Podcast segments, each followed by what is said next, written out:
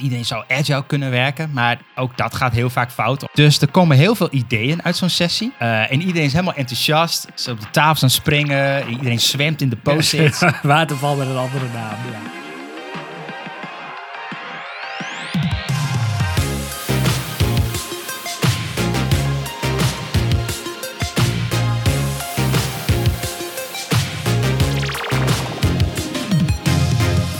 Welkom bij de Pixel Paranoid podcast. Ik ben Mikelle en samen met mijn co-host Rick gaan we alles behandelen rondom UX, UI en founder development.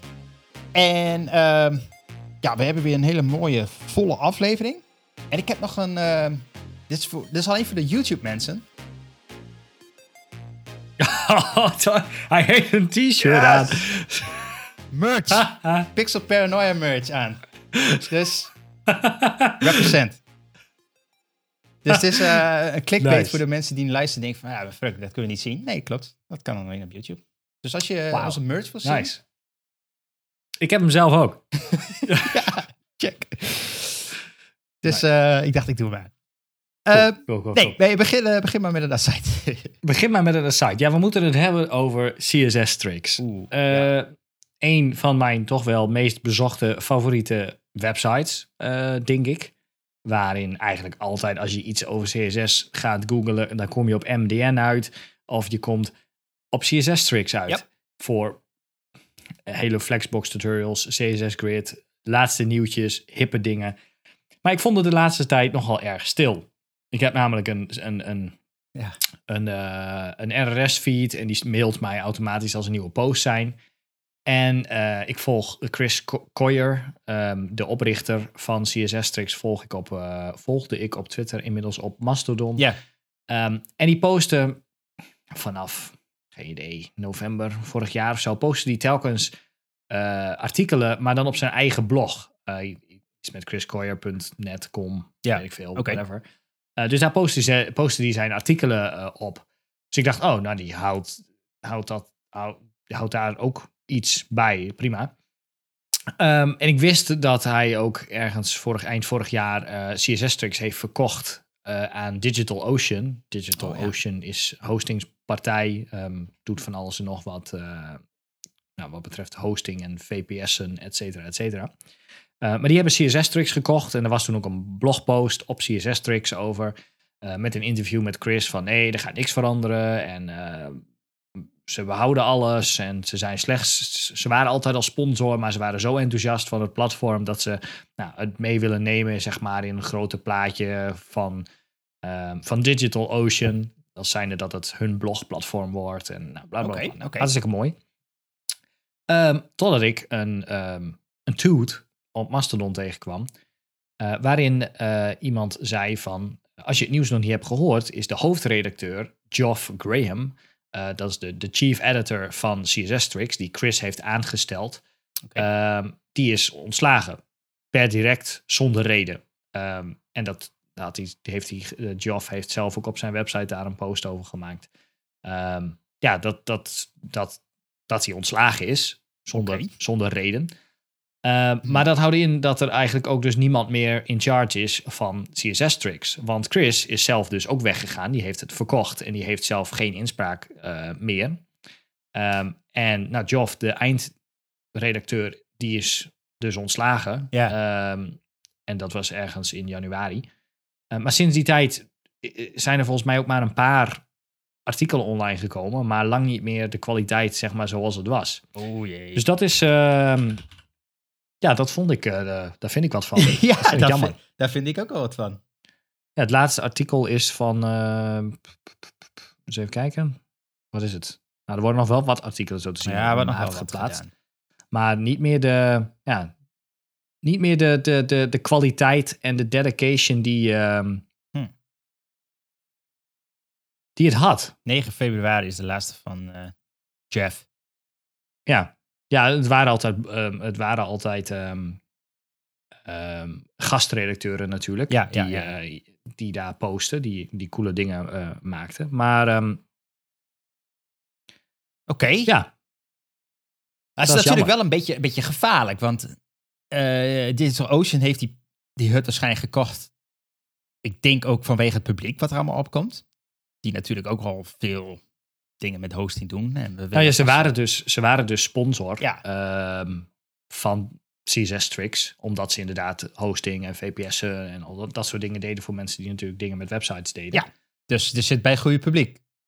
Ze, ze zaten bij het goede publiek. Alleen ze- moet, moet- moet je niet die hele site dood laten gaan. Nee, dus mensen die. eh, nou, die- ja, online was er een discussie over dat eh, de, de spirit van CSS Tricks nu een beetje. ehm, Ja. Ja, want Beetje die, dood die, is. Die, die Chris en eh, nou, die Jeff dan, denk ik, eh, die, die waren natuurlijk wel fanate C6-gebruikers, echt passie, passievolle developers. Eh, Ja, en, en een aantal eh, mensen die regelmatig eh guestwriter waren, die ehm, schreven dat, eh, dat zij dus hun artikelen nu, ja, eigenlijk die ze gratis wegschreven voor CSS Tricks, ja. ehm, nu ja, liever gewoon op hun eigen ehm, website zetten. Dus iedereen heeft zijn eigen blog weer Oh, opgestart, ja, zeg maar. Dus ja, iedereen ja. gaat weer op zijn eigen blog, want dan ben je namelijk eigenaar van je eigen content. ja, En eh, gaat niet Digital, Digital Ocean eh, met jouw content aan de haal. nee. En dat ehm, daar geld aan verdienen.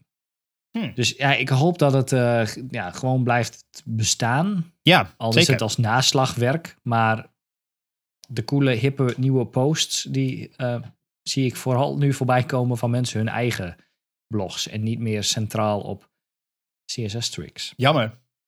Dat is wel erg jammer. Nou, we, houden het in de gaten eh, hoe, dat, eh, hoe het verder gaat verlopen. Yes. Alright. eh, ja, ik wou al eigenlijk al, nou volgens mij wel al tien afleveringen iets vertellen over de CSS-feature Animation Timeline. En nu zijn we er pas aan toegekomen. Of nu ben ik er pas aan toegekomen. En ik wil eigenlijk even uitleggen van wat is het nou? Eh want het is wel cool.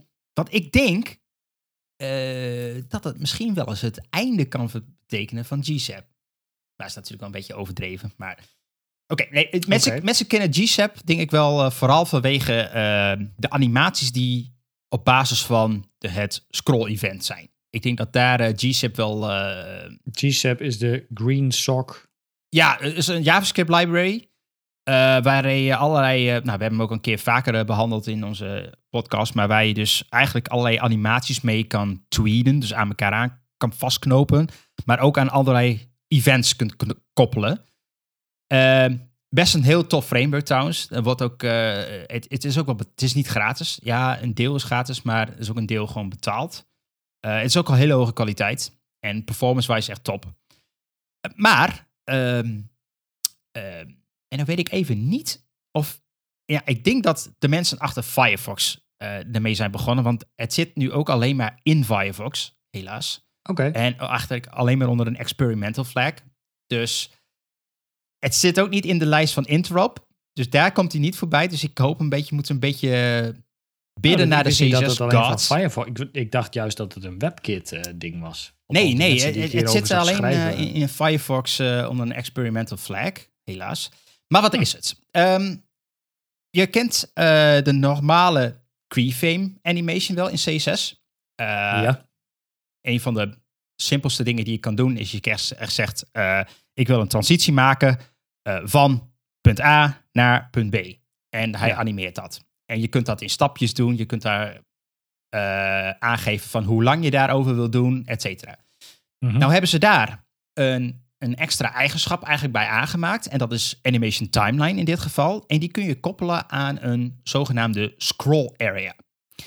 Ehm, als je eh, gewoon je pagina hebt en die is langer dan jouw, eh, dan jouw scherm, Mhm. dan kun je dus scrollen. Eh, dan kun je daar een animatie aan koppelen. Dus dan kun je eigenlijk een object pakken en zeggen van, hey, eh, jij moet animeren. En wat hij dan moet animeren, dat doe je net als voorheen. Dus met keyframes bijvoorbeeld.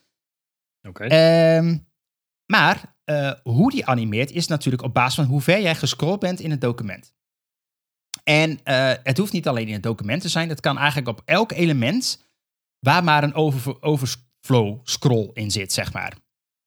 Dus als jij gewoon een een of andere diffje ergens hebt staan en die is eh, max 400 eh, pixels hoog. En, maar er zit eigenlijk een, een stuk element in wat misschien wel 600 is of 800, whatever ja. Dan is die eh, animation kun je daaraan koppelen. En dus de, nou, hoe lang je kunt scrollen bepaalt dus ook eigenlijk hoe snel die animatie gaat. Dus daar is het dan aan gekoppeld. Nou, dat is ook een van de features die je in GSAP hebt. En wat eigenlijk dus nooit met CSS kon. En nu komt dat toch iets, uh, iets dichterbij, denk ik. Um, wat, wat is een voorbeeld wat we daar leuk mee zouden kunnen maken? Want even, um, wat, wat je vaak ziet is een vierkantje. En als je naar beneden scrolt, gaat dat vierkantje draaien. Ja, even wat. bijvoorbeeld. Of je, je, je gaat iets uh, in laten vliegen uh, mm -hmm. in het beeld. Dus ik ben zeg maar op halverwege mijn beeldscherm. Dan moet er ineens een vliegtuig naar binnen uh, zweven. Oh, zo, nou, allemaal dat soort geinige trucjes die allemaal gebaseerd zijn op een scroll-event. Ja. En je merkt vaak dat het websites zijn die ja, vaak wel een soort van of een verhaallijn willen mm -hmm. uitleggen, zeg maar. En op basis van de verhaallijn, hoe verder jij in het verhaal scrolt, zeg maar, komen er allerlei dingen tevoorschijn. Nou, dat ja, zou dat, je zo'n, dat je zo'n pijl hebt die je volgt en ja. voorbij in het ja. scherm vliegt en dingen die je opzij van links naar rechts naar binnen komen, et cetera. Oké, okay, ja. ja. Um, je kunt uh, uh, kiezen waar je op moet reageren. En, en, en, met waarop bedoel ik, zeg maar, wil je horizontaal scrollen of wil je verticaal scrollen? Dus is het blok of is het inline? Uh, kun je kiezen. Oké. Okay. Um, je kunt ook uh, meerdere animaties tegelijkertijd. Je kunt zeg maar aangeven bij welke animaties je allemaal wilt triggeren op dat ene scroll-event. Uh, mm-hmm. dus, dat kunnen er ook meerdere tegelijk zijn. Dus als je meerdere objecten die allemaal dingen moeten doen, nou, dat kan dat. Um, en in combinatie met alle bestaande features die je al in animation had, zoals delay, zoals de snelheid, zoals de easing, zoals, nou ja, you name it, kun je best wel toffe combinaties maken.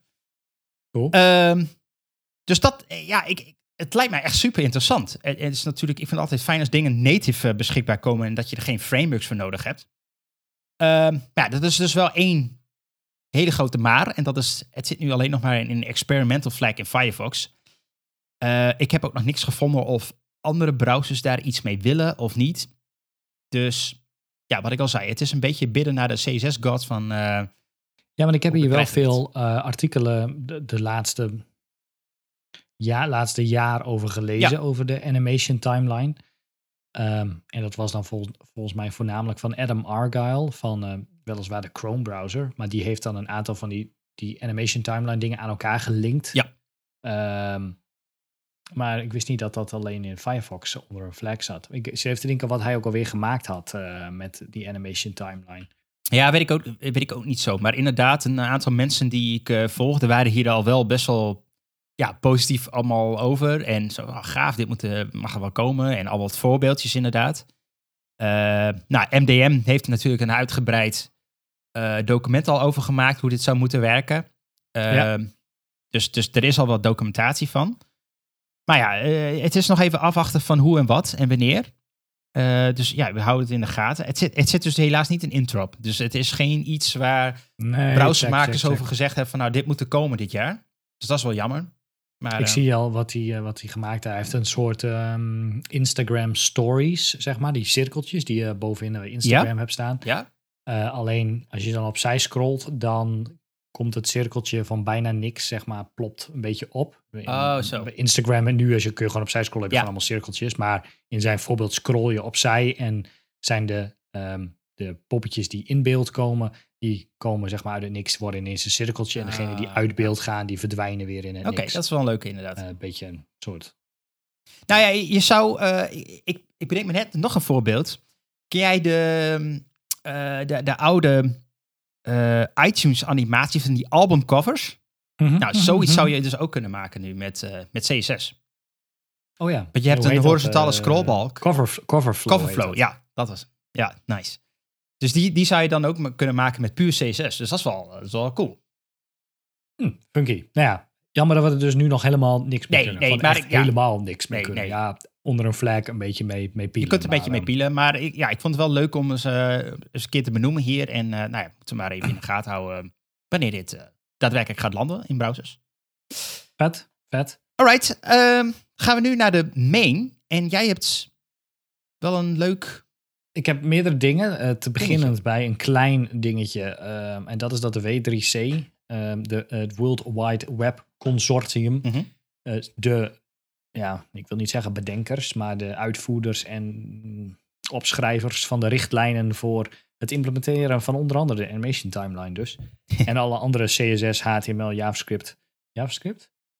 Um, uh, nee, JavaScript niet volgens mij. Nee, dat is eh, de, de, de ECMA-script eh, Ja. eh, bedoeling. Maar in ieder geval de HTML en de CSS ehm, guidelines, richtlijnen van browsers. Waaraan moet alles voldoen en hoe zou het moeten werken? Die hebben een, eh, en ook trouwens de ehm WCAG-regels. eh, die hebben een, eh, een, een, een, een redesign laten uitvoeren. Oh, Ehm, voor de mensen die wel eens op eh, w3.org zijn geweest, omdat ze op zoek moesten naar de ja, WCAG-standaarden of andere dingen voor HTML of CSS om te kijken hoe het volgens de specs zou moeten werken. ja. Ehm, ja, die website die eh, ziet eruit alsof hij uit eh, 2003 komt Ja, of zo dergelijks. Met eh, ehm, ja, heel veel hele mooie eh, Photoshop gradients. en de ronde hoekjes zijn misschien nog wel plaatjes. In plaats van border radiussen. Maar die hebben nu een, ja, een hele fancy, ik zou haast zeggen, een beetje moderne Wikipedia-style-achtige website ehm, Ja, neergezet. ja, ja. Die gewoon, eh ah, natuurlijk super toegankelijk is. Eh, dus alles is contrast top, eh, wat je geselecteerd hebt, et cetera, et cetera. Is allemaal hartstikke mooi. En voor de rest ehm, ja, staat alles erop wat je daarvoor ook al kon vinden. Maar ze hebben een, ze hebben een redesign laten uitvoeren. Het doet het heeft me- wel wat Oh. MDN-ig weg. Ja, ik vind, het, ik vind het twee. ehm, eh, ehm, eh, het doet een beetje denken aan de UK. ehm, Oh, die eh, gov.uk. gov- die gov.uk, ja, daar doet het me ook wel een beetje aan denken. Maar dat komt denk ik meer door de kleuren. Dus het is natuurlijk de, de blauw van eh, WDC. En dat heeft UK, of gov.uk ook. eh, maar ja, ja. Nou, het, het, is het, is, het is inderdaad een stuk frisser. Ja. Nou, nice. Nice. Dus, En, eh, en, dat- maar is het, het is nog beta, zie ik. ja, je kunt feedback geven op dingen die... eh, Oké. Dus ze, ga- ze gaan nog wel eh, doorontwikkelen. En eh, ik ben wel benieuwd trouwens welke partij dit nou... eh, dat, ze hebben daar een blogpost voor gemaakt. die, Even oh ja, klikken Studio op de link. 24.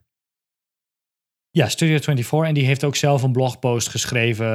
ehm, met een beetje deels onderliggende beweegredenen voor het redesign. Nice.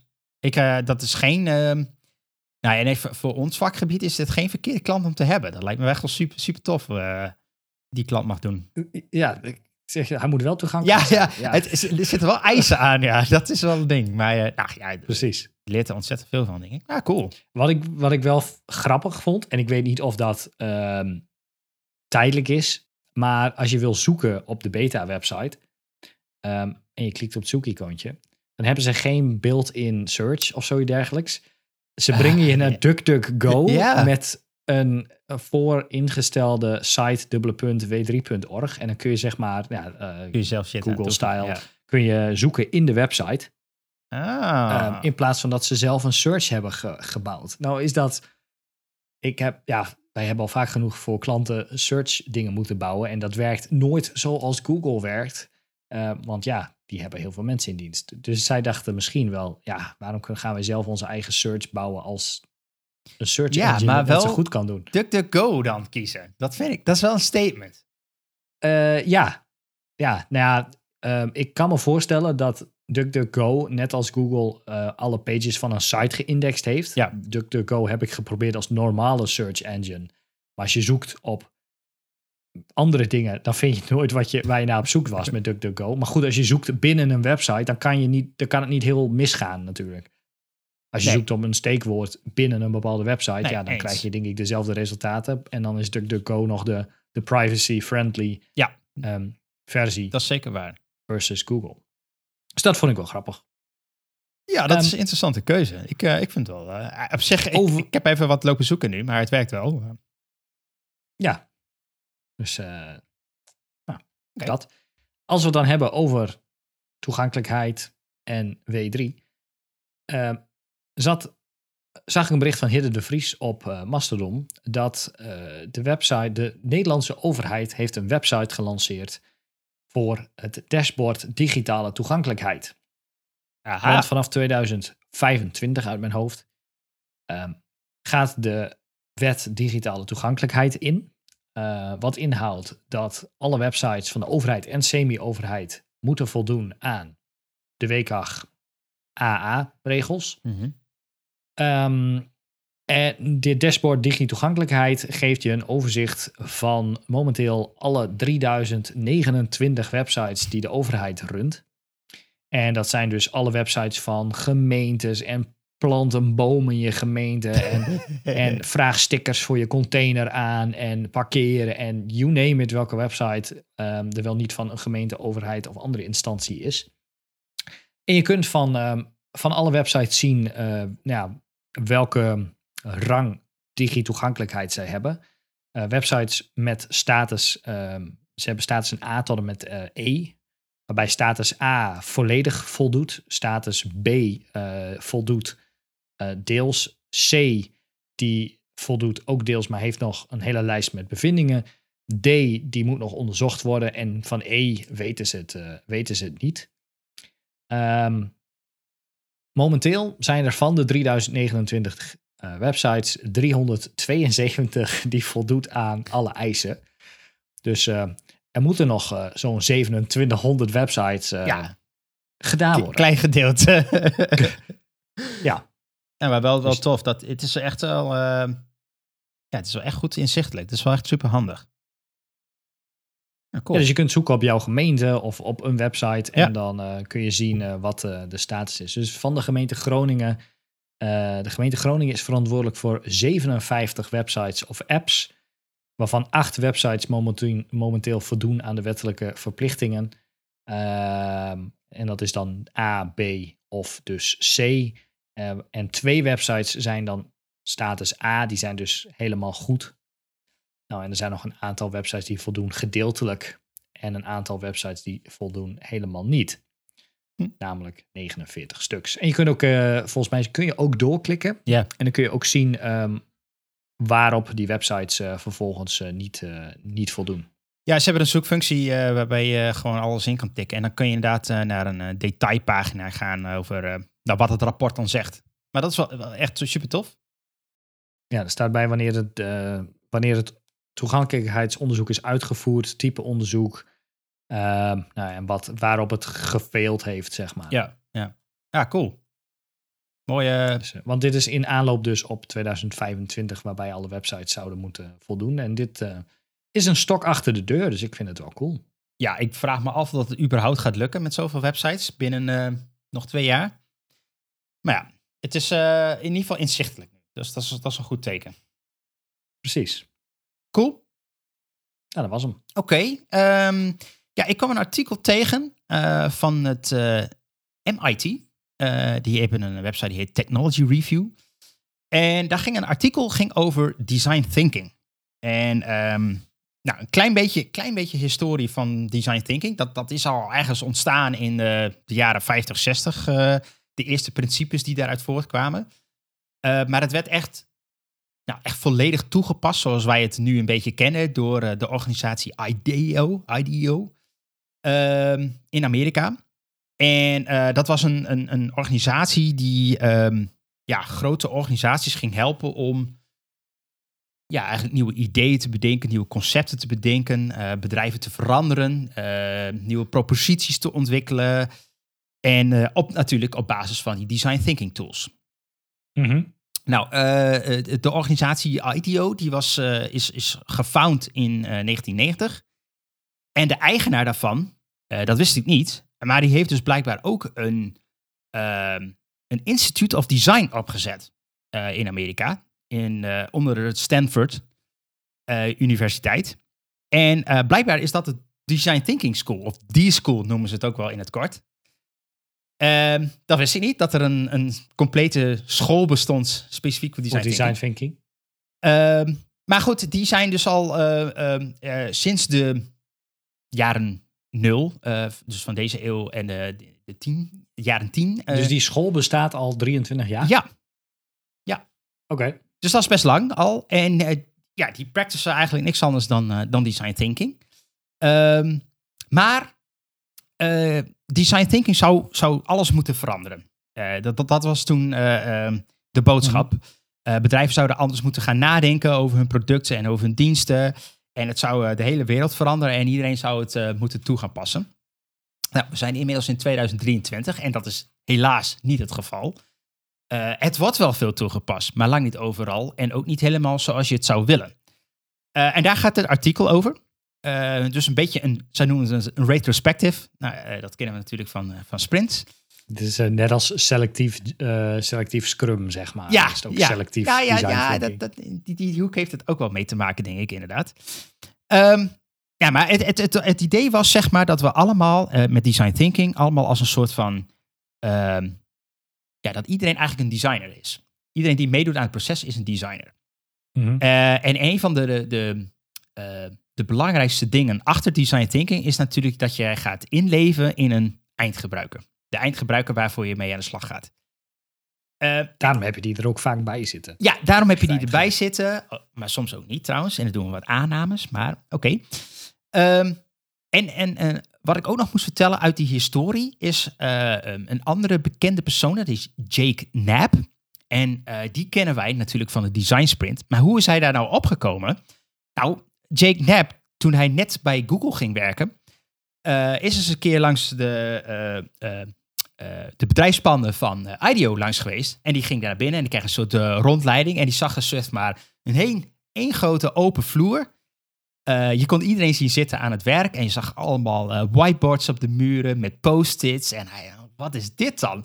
Want ehm, Amerika in de jaren 90 eh, en ook nog wel begin eh 2000, eh, dat zag er eigenlijk allemaal uit als een cubicles. Iedereen had gewoon een cubicle.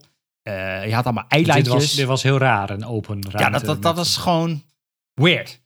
Ja, En hij was daar zo van geïnspireerd en hij zei: Oké, oké, dit is tof. Ik moet dit leren, ik moet het onder de knie krijgen en ik ga dit ook bij Google uitvoeren. Dus hij heeft bij Google heel veel van die design sprints gedaan. Of sorry, design thinking eh, sessies gedaan. Nou, later heeft hij dus een methode van gemaakt om dat in sprints te doen. En al die tools in een sprint te kunnen doen. En hij heeft daar ook een boek van geschreven. En is daar ontzettend rijk mee geworden.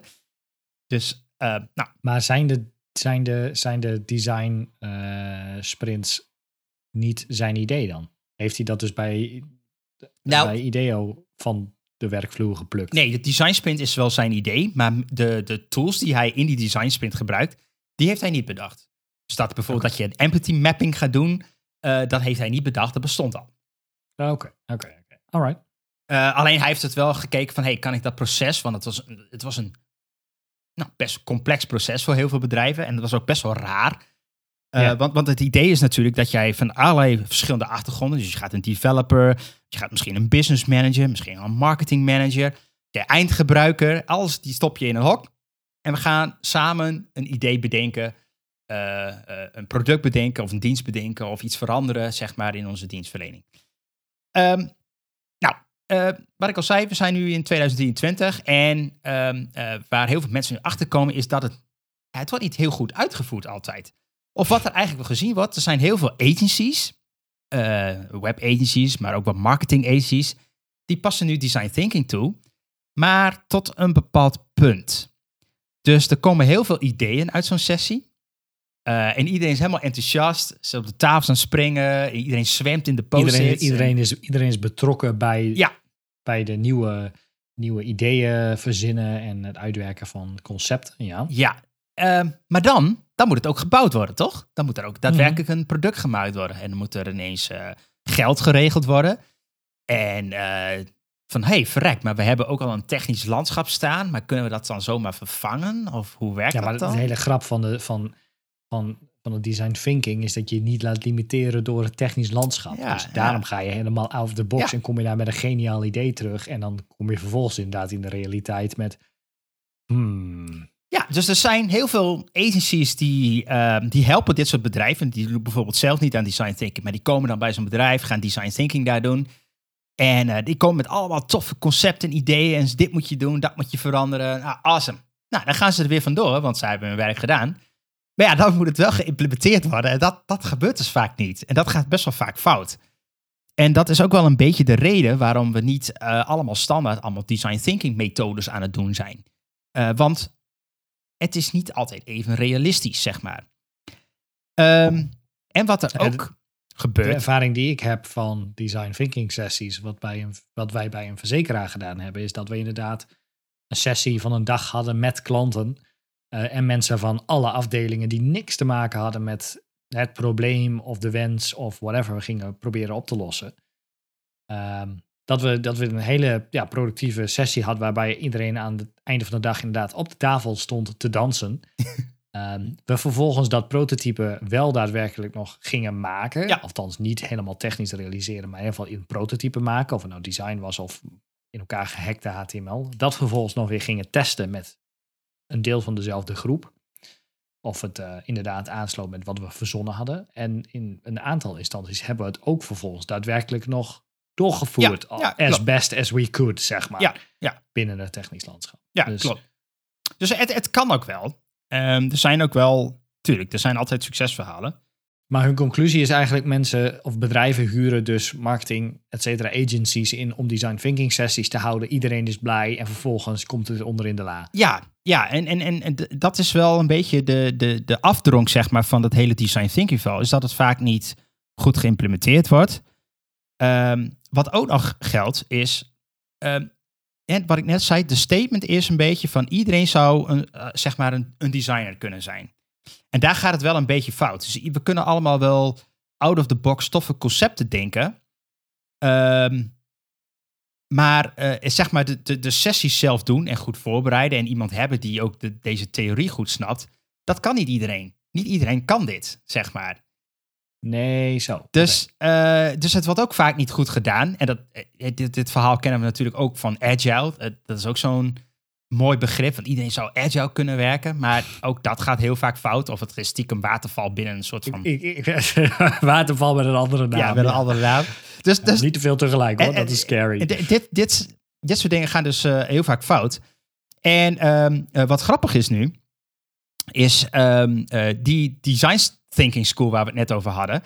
ehm, eh, noemen die dat eigenlijk überhaupt nog wel design thinking? Hoe, waar zijn die nu mee bezig? Eh, zijn ze dat nog steeds aan hun studenten aan het leren? Nou, het blijkt dus helemaal dat zij het helemaal geen design thinking meer noemen. Eh, omdat zij dit ook hebben ervaren. En dat, het, het, het wordt vaak niet goed omarmd. Eh, wat ook nog zo is, toen het helemaal upcoming was in Silicon Valley. Nou, Silicon Valley bestond zeg maar uit een eh 90% uit rijke blanke mensen die dan design thinking gingen doen en gingen inleven in zogenaamde gebruiker. Ja. Nou ja, dat was, was nogal biased, zeg maar. Dus daar kwamen Mhm. dingen uit die ze hielden niet echt goed rekening met mensen die arm waren of uit andere culturen kwamen. Dus nou ja, hm. Wij van WC 1. Ja, nou dat. Eh, dus dus nou, al dat soort dingen, dat, ehm, ja, dat, is, dat is allemaal niet zo goed bevallen. En daar zijn ze nu aan de slag gegaan. Ehm, het heet dus ook niet meer puur, het gaat ook niet meer puur over empathy, want dat is waar design thinking heel erg om draait. Ze hebben nu meer de termen als zorg eh, of care noemen ze dat dan en making. Dus we gaan daadwerkelijk wat maken. We gaan niet alleen maar een idee of een concept bedenken, maar we gaan echt wat maken. Ehm, maar we gaan ook nadenken over oké, eh, wat voor impact heeft dit? Wat voor he- impact heeft dit in de toekomst? Eh, komt hier überhaupt budget voor vrij? Ehm, eh, Maar zijn ze nou de, de ideologie en de werkwijze eigenlijk van design thinking aan het aanpassen? Wat is hun.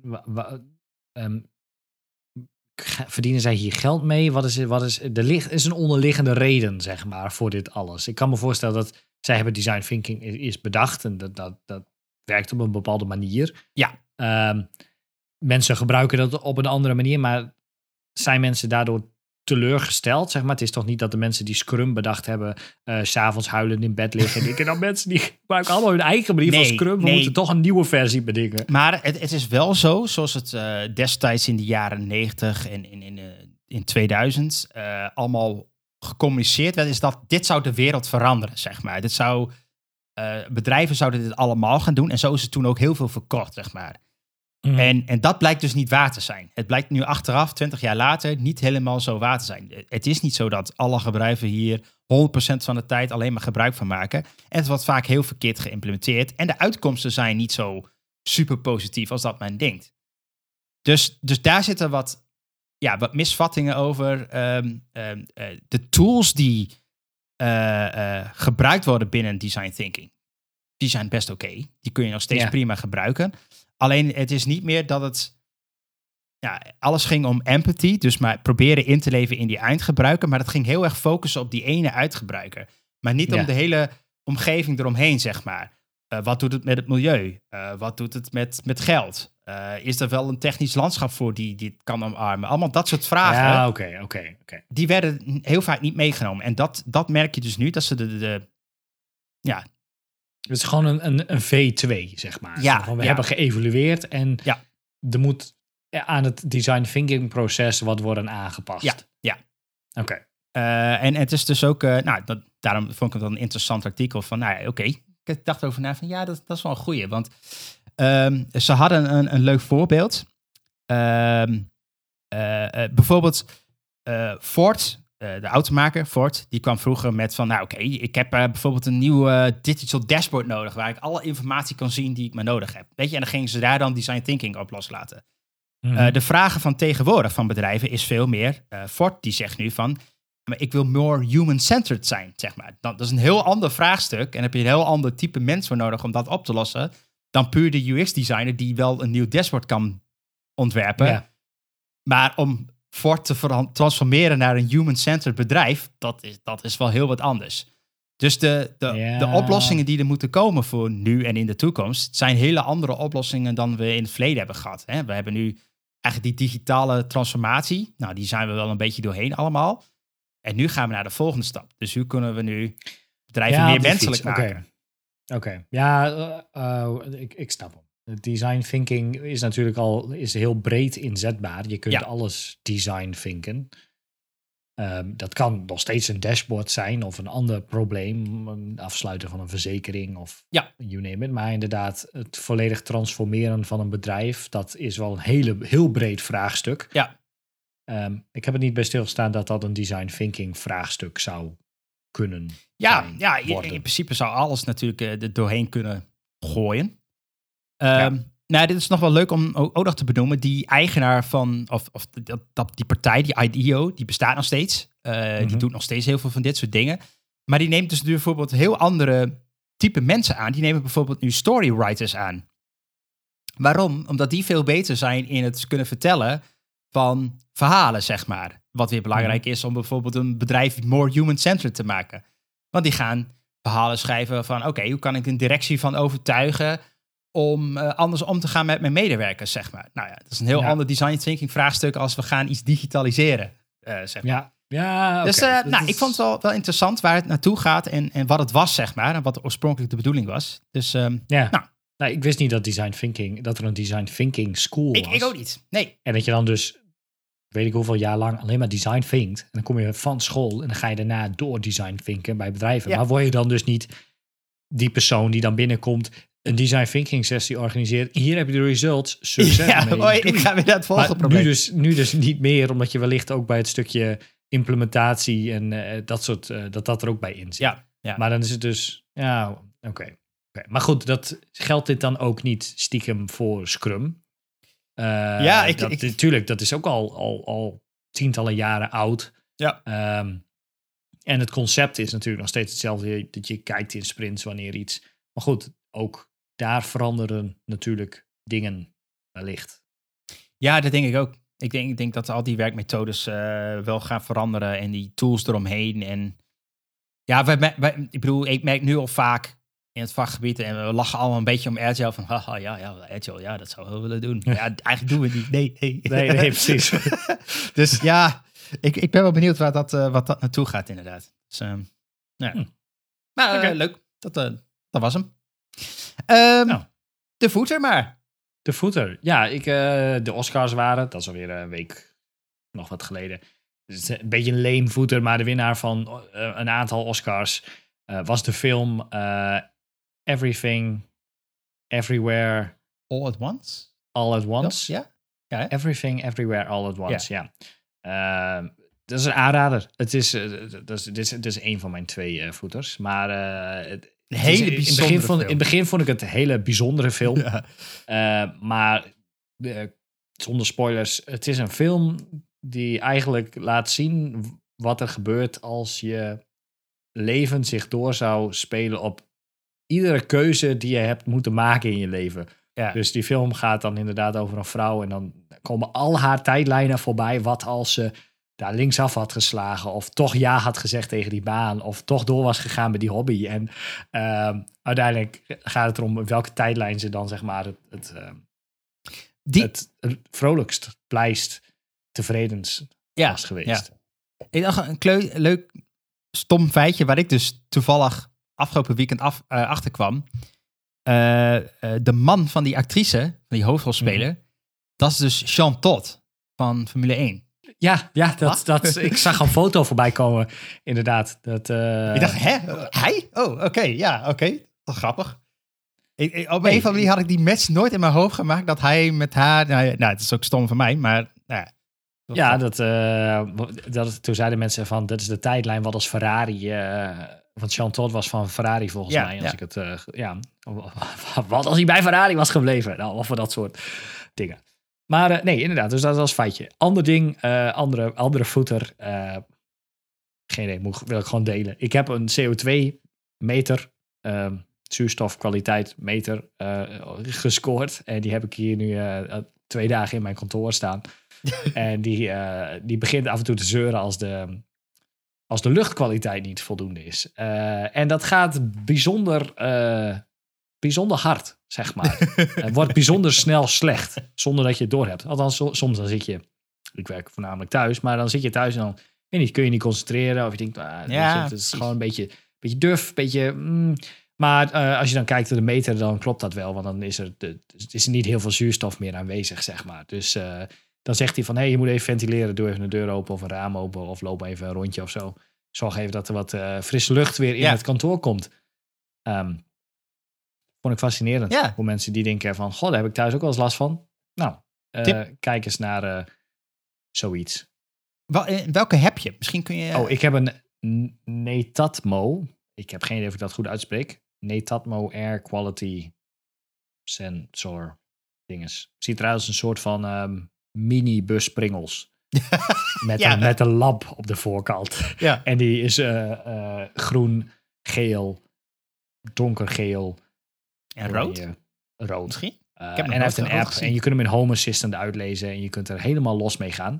Ehm, hij doet eh, luchtkwaliteit, temperatuur, luchtdruk, Geluid. geluid. Ja. Voor als je vet hard je muziek aan hebt, dan zegt hij, doe eens even zachter. Maar eh, nee, dus dat eh, vond ik fascinerend. Ja, nice. Dus dat was mijn voeten. Ja, ik heb een, eh, een stomme tip. Of een stomme footer. Of nou, stom. Ik weet het niet. Maar ik, ik, we hebben natuurlijk al heel veel over eh, ChatGPT gehad. En, en AI en al die dingen. Maar ehm, ik, ik betrap mezelf er een beetje op dat ik het eh, best wel vaak gebruik. En dat had ik niet verwacht. Of nou ik, weet je, in het begin is het zo'n leuke gimmick. Ehm, maar ik merk, oké, ChatGPT is, is, is goed in een aantal dingen, maar ook heel slecht in een aantal dingen. Ehm, en gisteren hadden wij, stuurde ik jou een berichtje met van, ah, ik heb eh, ChatGPT gevraagd of hij onze Pixel Paranoia podcast ook kent. En dan zegt hij dus met, met full confident, ja, eh, Pixel Paranoia is een podcast over UX, UI en frontend development. En ik dacht, oh, nice, hij komt het. En dan ineens Ja, met twee compleet andere personen die ik helemaal niet ken. Ik die, die mensen googelen, die hebben, ik vind niks over UX of wat dan ook. Dus hoe die daarbij komt, I don't know. Dus Nee, maar hij maakte er een mooi verhaal van. Waarvan hij, ja, hij begon echt goed, Ja. maar ik dacht, oh, oké, oh. cool, dat weet hij. En toen noemde hij inderdaad ja, met host Henk en Piet. En ja, wie, ja, wie zijn dat? Ja, echt gewoon. Maar hij, hij gaat ook gewoon stabiel door. Gewoon van, ah, nee, dat is gewoon... de- de- ja, dus dat, dat is wel een beetje, echt is. beetje een valkuil van ChatGPT. Eh, eh, eh, het brengt dingen ja, vol vertrouwen, zeg maar, dat het waar is. Dus, Ja. dus daar moet je bewust van zijn. maar waar heb je het al voor gebruikt? Juist. Ehm, nou, waar ik het dus voor gebruik en wat ik het echt super handig vind, is ehm, eh, eh, soms moet ik wel eens dingen ehm, in een verslag of ik moet een rapportage maken of ik moet die samenvatten. En dan zeg ik gewoon tegen die bot van, yo, eh, ik heb dit verhaal of deze punten. Kan je daar een samenhangend verhaal van maken? En dan schrijft hij gewoon mij gewoon een samenhangend, mooi, compacte conclusie. En dat is zo fucking handig. Of voor bepaalde mailtjes. Eh, dan moet ik, ehm, eh, ik heb bepaalde dingen bijvoorbeeld in een sprint afgerond. Dan wil ik even terugkoppelen aan een, aan een klant. En zeg ik van, oké, ik heb dit en dit en dit gedaan. Kun je me dat even in een mooie, eh, fijne mail tikken? Nou, plop, dan komt er een leuk mailtje uit. Dat is wel, zo, Copy-paste, had ik er let's nog go. niet, zo had ik er nog niet over nagedacht. Het ik heb ChatGPT wel, ik heb ChatGPT wel gebruikt om een brief te laten schrijven. ja. Eh, ik ga nu, nu nog niet zeggen waarvoor dat was. Pas als het een succesvol re- resultaat oplevert, kom ik daarop terug. Maar eh, toen was het inderdaad ook schrijf een brief eh, met de volgende argumenten. En toen rolde daar een he- hele mooie brief uit die ik de deur uit heb gedaan. Dus ik ben heel benieuwd Ja, het, het, of dat wel oplevert. het is dus gewoon fucking goed in taal. En, de- en dat, dat maakt het gewoon al voor mij al super handig. Want Als je, als je zelf input levert, ja, dan kun je hem er alles mee laten doen, zeg maar. Samenvatten, vertalen, de andere taal of een andere bewoording eh, van maken. Dat gaat, dat Ja, gaat hartstikke mooi. exact. Maar ga hem inderdaad niet vragen om ja of, dingen of- te verzinnen, ja, want dan gaat hij letterlijk dingen verzinnen. Ja, eh, of, of feitjes. Dat, dat, dat- daar moet je het denk ik niet voor gebruiken. Maar eh, een ander voorbeeldje. Eh, ik had een stukje geschreven. En ik, ik, ik twijfelde een beetje over mijn zinsopbouw, zeg maar. Ik dacht, hm, volgens mij kan dat anders. Volgens mij kan het beter. Wacht, ik flikker het in ChatGPT. Kijk eens. En dan geeft je gewoon tips van... Ja, nee, ik zou die zinsopbouw zo doen. Want dat, en dan Wat legt hij was, de, wat, heb, wat was de vraag die je gesteld hebt dan? nou, ik, ik, gewoon, ik had een, eh, een stukje, een, een paragraafje geschreven. Eh, ik twijfelde dus over die zinsopbouw. Ik, ik had het erin gezet en ik zet erbij van... eh, kun je dit beoordelen of dit, of dit taaltechnisch correct is? en of dit ook handig geschreven is, zeg maar. Zoiets, zoiets had ik gevraagd. En dan geeft het dus ook tips van... Nou, ik heb die zin daar neergezet, die, dat woord daar neergezet. Want dan, eh, dan klopt het beter met het onderwerp waar je het over hebt. En, en ik dacht echt, damn, Ah. dat is nice. Ja, dat is echt cool. Ja, het is, Ja, je ziet de, de plugins, eh, die, die, die worden, Ja. die worden doodgegooid met plugins inmiddels voor, voor alles. eh, voor Visual Studio Code natuurlijk, voor code, voor, voor je mailtjes en voor je notities. En Notion, dat is zo'n notitie-app, die heeft manieren om dingen samen te vatten en in een andere taal te doen en hipper te schrijven Ja. en weet ik professioneler te doen. En, en het, het, Ja. ja. we komen er wel, we komen er wel. En ChatGPT 4, volgens mij nu ja, toch? ja, vier. Die is dus in, in beta, ehm, En ik heb heel Die- toffe die dingen dus- er al van gezien. die nog beter om kan gaan met... eh, ja, die heeft dus... eh, eh, die hebben ze laten trainen om dus een captcha te omzeilen. Ja, door, dus een, door dus zelf naar zo'n service te gaan die captcha's voor jou kan oplossen. Gewoon echt fysieke mensen, zeg maar, die je kunt inhuren. En die, die chatbot is daar dus heen gegaan, heeft iemand gevraagd om een captcha op te lossen. En toen werd de vraag gesteld, ben jij een robot? Nee, ik ben slechtziend, was toen het antwoord van ChatGPT. Nou, nice. Nou ja, het ChatGPT 4 hebben ze dus ehm, allerlei Amerikaanse, zeg maar, gestandardiseerde toetsen laten doen. Dus Engels, eh, wiskunde. En die haalt gewoon al die toetsen, hè? Dus dat is echt en rechten en zo. En het rechten en, en echt op hoog niveau. Dus Ja. ja, dit gaat echt wel, dit gaat wel de wereld veranderen. En ook heel veel vakgebieden veranderen. Dat is wel, wel een ding. Ik heb het, ja, wat ik al eerder heb gezegd, een aantal eh, klanten, collega's heb ik, die, die moeite hebben met het schrijven van copy. Heb ik gewoon gezegd, flikker maar gewoon in ChatGPT. Schrijf maar gewoon een stuk, maak zelf een alinea, zeg maar, breid dit uit. En dan ko- komt er in ieder geval wel- komt er wel tekst uit. Je kunt het altijd nog nalezen, zeg maar, maar je hoeft het niet meer zelf te verzinnen. Nee, Maar inderdaad, input erin gooien levert eh, goede resultaten, Ja. eh, goede output op. Ik ben heel benieuwd wat mijn, eh, wat mijn brief oplevert. Ja, ja ik ook. Oké, nou dat was, dat was mijn, mijn tip. Ehm eh, hebben de aflevering weer helemaal rond. Ehm, ik wil zeggen, eh, eh, mocht je dit nou horen op een van de podcastdienst, eh, abonneer dan ook vooral. Dan, dan krijg je een notificatiedingetje als, eh, als we weer een nieuwe aflevering hebben gemaakt. Mocht je ons nou willen zien, mocht je zien welke t-shirt ik aan heb. Ja, je die, je die kopen? wil je die dat kopen? Kan, Dat kan niet. oh, dat kan. ja, weet ik dat vast kan vast. Moet ik dat regelen? Maar eh, dan kun je naar, naar YouTube gaan. Zoek dan even naar Pixel Paranoia. Eh, eh, wil je een keer bij ons in de aflevering zijn? Of wil je een keer met ons meekletsen? Of wil je met andere eh, oude gasten meekletsen? Dan kan dat op Telegram. Zoek daar ook even dan op Pi- Pixel Paranoia. Of ga naar de website pixelparanoia.com. En laat even daar een berichtje achter. doen we dat. En dan wil ik voor nu zeggen... Tot de volgende keer maar weer. Hoi. Hoi ho!